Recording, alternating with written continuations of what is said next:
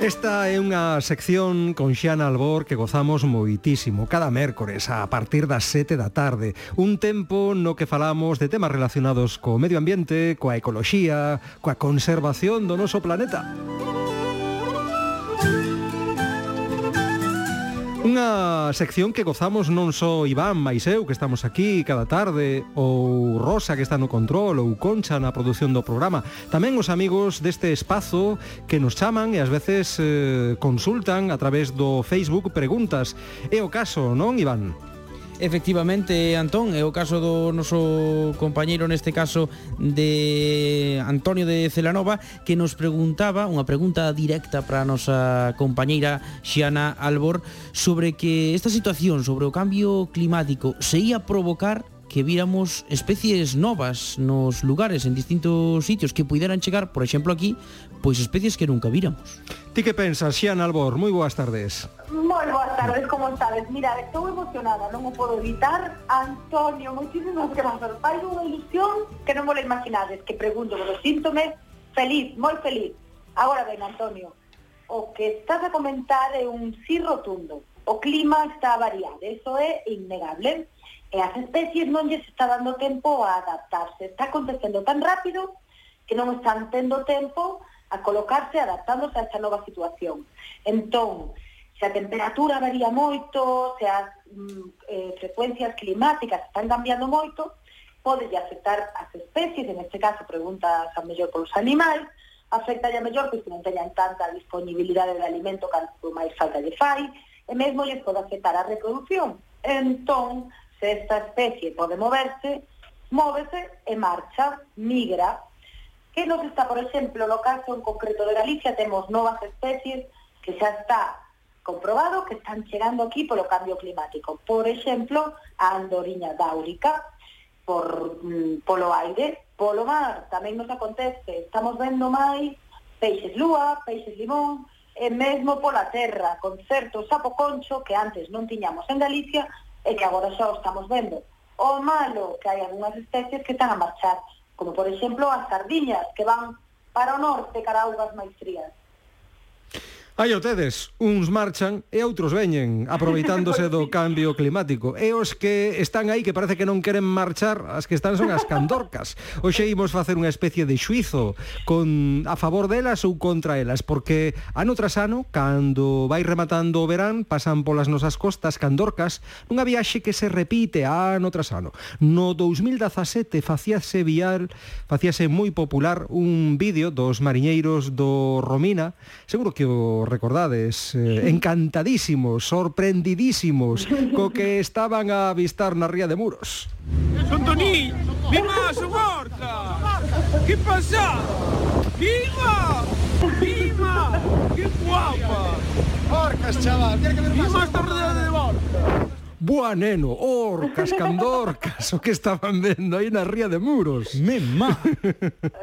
Nunca viran tal cousa. Mais hai algo menos dun mes, Salvamento Marítimo retransmitía este aviso aos navegantes por radio.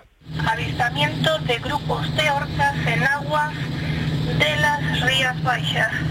Se solicitan todas las embarcaciones que en caso de avistamiento no intenten aproximarse.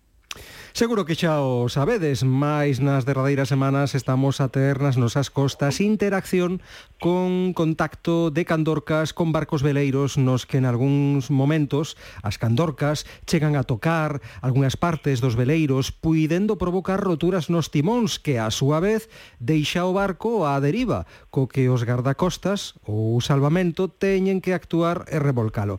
Sabemos xa, Xiana, o que está pasando? Pois sábese o que está acontecendo, o que estás ben a describir. O por qué, o guai, aínda non está claro.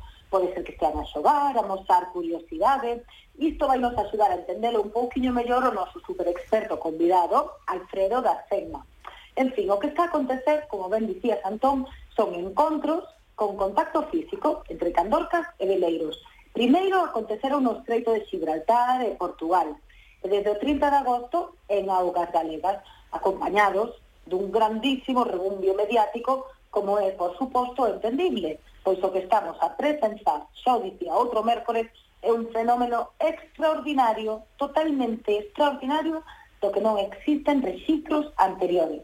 Poñendo en contexto un pouquinho, de todos os avistamentos e interaccións que tiveron lugar nas nosas augas e segundo a CEMA, o 20% Non é tanto, remataron con danos nas embarcacións que impediron a navegación destas e todas estas embarcacións foron veleiros. Hai que lembrar, eu quero lembrar unha cousiña, a mar é o mellor do mundo, é o mellor do mundo que temos, pero a mar dá e a mar leva. Ben, o sábanos a xente de mar, no, no mar acontecen cousas continuamente. E a mar e todos os seus habitantes temos que terlle respeito e moito amor, porque se colles o Twitter de Salvamento Marítimo dos Guardacostas de Galicia, ves que cada día hay barcos rescatados, barcos remolcados, días de auga, de días no motor, golpes de mar, barcos de todos os tipos, que eran o pairo, o que acontece que non é tan mediático, claro está. Así que, na miña opinión, non podemos convertir de pronto as candorcas nas culpables de todo o que acontece no mar, de todo malo, aínda que, por certo, Antón e Iván entendo totalmente que algunha da tripulación que ía nestes barcos pasara medo, porque estás no medio do mar, un mar gigante, cunhas ondas gigantes nun barquiño pequeno, e claro, iso impón. Claro, entendemos, Xiana, pero unha das cousas que si se saben é que son as candorcas en concreto as que, actúan, as que actúan deste xeito, non? Pois sí, van, son de feito uns individuos juvenil, os que están a interaccionar deste xeito, están a xogar, a mostrar curiosidade, como dicíamos, están estresados e queren demostrar ao mundo que son adolescentes e que están enfadados, non o sabemos. O que sabemos é que son animais magníficos o que temos diante, moi parecidos a nós, de feito, son mamíferos tamén.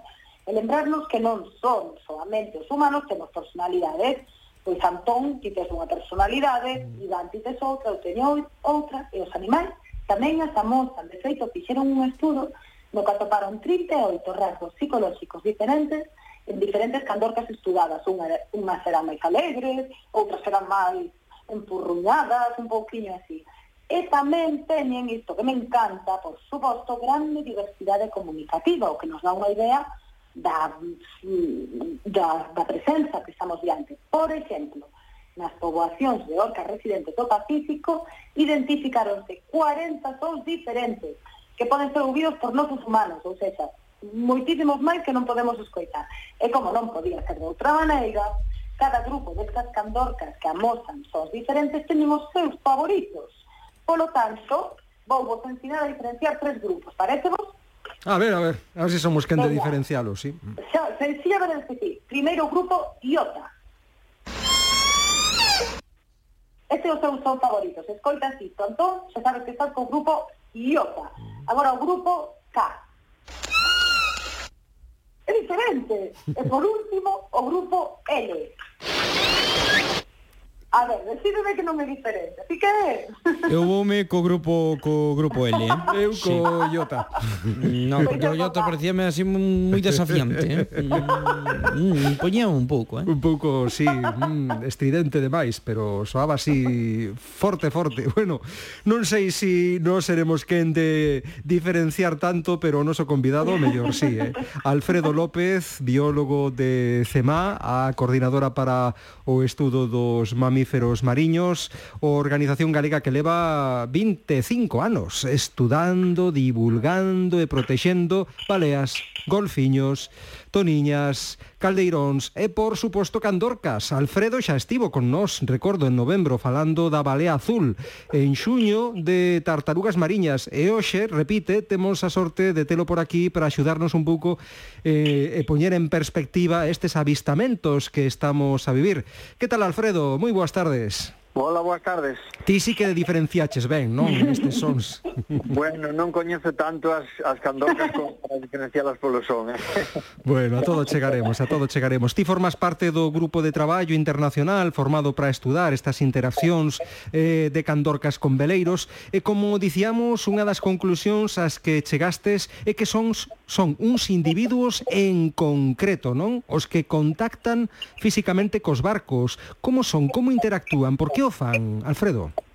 Bueno, pois efectivamente, a, despois do día 30 de agosto que, bueno, pois foron os primeiro as primeiras interaccións identificadas, pois puxemos en marcha unha investigación eh, espacio temporal, eh, espacio temporal hacia atrás e eh, demos con máis casos en Portugal, eh, en Golfo de Cádiz, Estrecho, Estrecho Gibraltar eh, e, e fomos tamén acotando un pouquiño pois a, a situación a un grupo determinado e a uns individuos determinados, non? Eh, Eh, mm, hai moi pouquiñas imaxes, os barcos, claro, cando teñen a interacción isto, os colle por sorpresa e, por tanto, que se quedan un pouco asustados e, e non reparan en, en recoller imágenes, pero aínda así, algúns recolleron imaxes e podemos identificar dous exemplares, dous ou tres, pero concretamente dous exemplares que, que xa foran observados pois na zona do, do estrecho de, Gibral, de Gibraltar, incluso pois con feridas, non? Entón, estamos centrando un pouquiño as, as investigacións en, en, ese, en eses exemplares claro. Alfredo, eh, ti mesmo dicías agora desas imaxes Comentaba tamén a investigadora do Museo da Valera de Madeira, Ruth Esteban Que pedía gravar as candorcas sempre que fora posible Claro, que outras cousas aconsellarías se imos nun barco e nos atopamos con elas? Bueno, primeiro eh, manter a calma, non? Eh, sobre todo a xente se asusta, pero se asusta de algo que descoñece. É dicir, aquí mm, coñecemos moi pouco as candorcas, pasa moi rápido, non temos experiencia, digamos, con elas. Ah, temos cos arroaces, temos cos golfiños, pero coas candorcas non. Entón, o descoñecido tamén nos atemoriza. Eh? Entón, bueno, primeiro, eso, manter certa calma na medida do posible. Eh, Salvamento Marítimo recomenda, pois, eh, apagar o motor e deixar o, o o leme libre, o timón a vía, porque eh, elas coa velocidade do barco e coa resistencia do motor pois eh, persisten nesa, nesa actitude de, de interacción e de, e de contacto físico. Na maior parte dos casos ten resultado, non en todos, pero si na maior parte dos casos, eh, bueno, pois perden interés e simplemente pois se marchan. Non? Uh -huh. Hai, hai máis candorcas que outros anos, Alfredo, ou estamos a saber máis delas porque están a registrarse máis os avistamentos? Sí, efectivamente, estamos a saber máis delas. Posiblemente pasen todos os anos máis ou menos as mesmas. Eh, son varias familias, varios grupos que pasan sucesivamente. Uns son máis discretos, outros son máis espectaculares. E, e, e claro, en este caso, como estamos moi pendentes delas, a CEMA puso tamén un avión eh, para o seu control, o Goberno de España puso outro, o Salvamento Marítimo pon de vez en cando tamén control aéreo. Entón, vamos recibindo pois eh, máis información delas. Hai hai un, unha semana máis ou menos identificamos eh, 13 exemplares divididos en tres grupos eh? pero, pero bueno, pode ser que incluso pois, eh, pasen máis grupos eh, e, e seguramente serán os que pasan habitualmente todos os anos pero este ano pois, eh, bueno, están deixando moito recordo eh, do seu paso Si, sí, estes días estamos vendo nas redes e tamén escoitamos na rúa a xente amosando o medo a entrar no mar ou a caer no mar cando hai candorcas eh, mais eh, os que sabedes insistides moito neste aspecto. Os humanos para nada somos comida de candorcas. Eh, estes animais non teñen especial interese na nosa carne. Hai motivos para que a xente teña medo, Alfredo? Non, non, en absoluto. Eh, eh, as candorcas non teñen interese na carne humana, pero nin siquiera nos humanos en sí, eh, en xeral, o sea, lles damos exactamente igual. Que ocurre? Que son, a, son esos exemplares juvenis os que son pois máis curiosos, eh, pensamos que todo isto eh, se basea nun principio de curiosidade que logo vai derivando en outro tipo de, de acontecementos, pero eh, sobre todo estos exemplares juvenis que son máis curiosos, son máis destemidos, eh, teñen menos eh, medo a chegarse ás embarcacións, por exemplo, pois a, as femias que leva un cachorro non se achegan nunca, ou os machos que xa coñecen de sobra pois como son os barcos ou como son as persoas humanas, pois tampouco se achegan, non? Pero en este caso, pois eh, estos exemplares se, se achegan máis, non? Non temos por que ter eh, temor delas, elas saben perfectamente que son os humanos, nestes avistamentos que hubo estes días mesmo hubo un par de avistamentos facendo surf na ola a par dos surfistas e non hubo ningún problema, as, or, as candorcas ignoraron completamente o surfista e eles seguiron facendo o que o que iban facendo, non? Entón non é eh, eh, neste comportamento, nesta interacción que hai cos barcos, o obxecto non é o ser humano, é un, un E tamén falaba Alfredo López eh, que tamén se escoita que hai que se hai candorcas vai escasear o peixe. Non sei se é certo isto, se tamén esta é unha afirmación que circula por aí, pero que é falsa, Alfredo. Sí, efectivamente, eh, mm, pode ser que nun momento dado que que pase que pasen pois uns animais e asa pois certo movimento do peixe, non, pero para nada, as candorcas o que se alimentan é de atún e o atún come peixe máis miúdo, por tanto que se hai candorcas é que hai riqueza no mar e vai haber riqueza para todos, non? Son ataques, non son interaccións. Ai, ese can está bastante molesto con alguén, non sei con quen será, seguro que con Alfredo, eh, con nos non. Alfredo López, temos que deixalo aquí. Moitísimas grazas, amigo. Un placer sempre terte no programa. Canto aprendemos. En serio. Moitas grazas. Un saludo para todos os ointes. Xiana Albor, un placer enorme. Quedamos para a semana que ven neste recuncho oh. da ecoloxía, da protección, da conservación da natureza, se che parece. Mm. Gracias, chao. E deixamos aí a posibilidade de que como fixo o noso amigo de Celanova, se ti tamén tes algunha dúbida, algunha curiosidade, algunha pregunta que trasladarlle a, a nosa experta na materia, a Xeran Albor, tes aí o teu dispor o email do programa atarde arroba radiogalega.es atarde arroba radiogalega.es Seguimos.